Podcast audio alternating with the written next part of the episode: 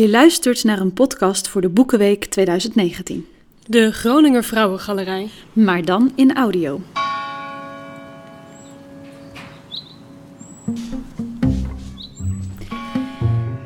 Ik heb de kerk en de kerkstromingen een beetje leren kennen via mijn schoonfamilie.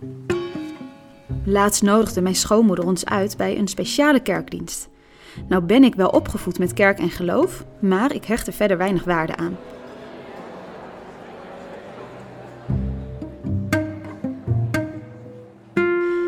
Nu zat ik weer in de kerkbanken van de gereformeerd vrijgemaakte kerk in Groningen.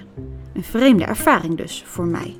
En tijdens die dienst aanvaarde mijn schoonmoeder haar benoeming als eerste vrouwelijke ouderling in deze gemeente. Dat was best bijzonder, want daarvoor mocht het niet. Kon het niet. Moest hier langdurig over gepraat en gediscussieerd worden in de hoogste kringen door de synode. De synode, dat is een soort college van vertegenwoordigers van de kerk.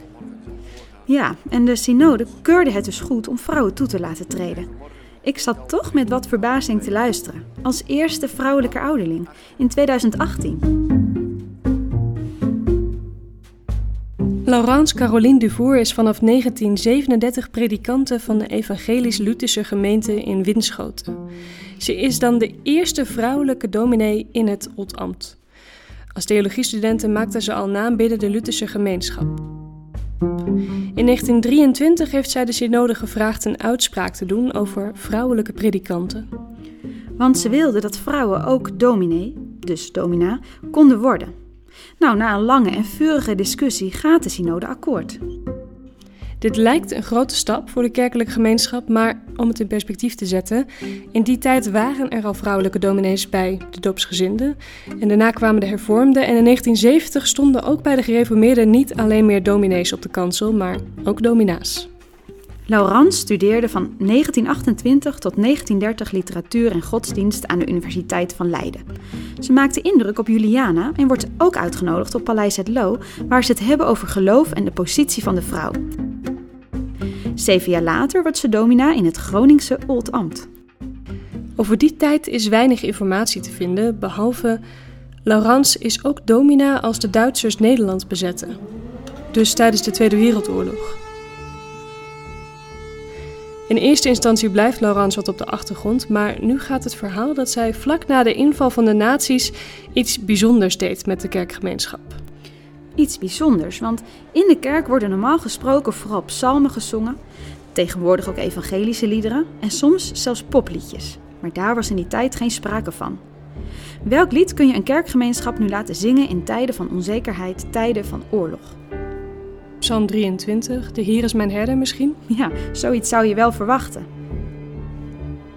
Maar dat gebeurde niet. Nee, ze lieten de mensen in de kerk het lied zingen dat hoort in tijden van oorlog, maar wat ook een vorm van opstand is.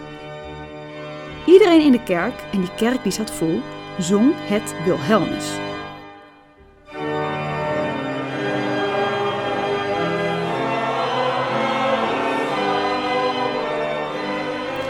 Stel je voor, mannen, vrouwen en zelfs kinderen die het Wilhelmus uit volle borst meezingen. De overtuiging waarmee ze dat doen. Het gevoel van ongerustheid, angst voor wat komen gaat, doet hen luider zingen dan gewoonlijk. Het gevoel van saamhorigheid, van eenheid in zo'n kerk.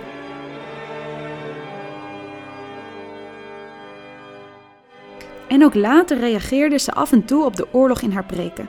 Ze zei daar later over in het nieuwsblad van het Noorden: Dat kon ik toen best maken. Ik was toch een vrouw alleen. Laurence bracht met haar optreden als domina rust en stabiliteit in de gemeente. De gemeente groeit van 73 naar 105 leden. Ze blijft ongetrouwd en in 1949 vertrekt ze uit Winschoten en wordt ziekenhuispredikant in het Diakonessenhuis. Nu het Martini ziekenhuis.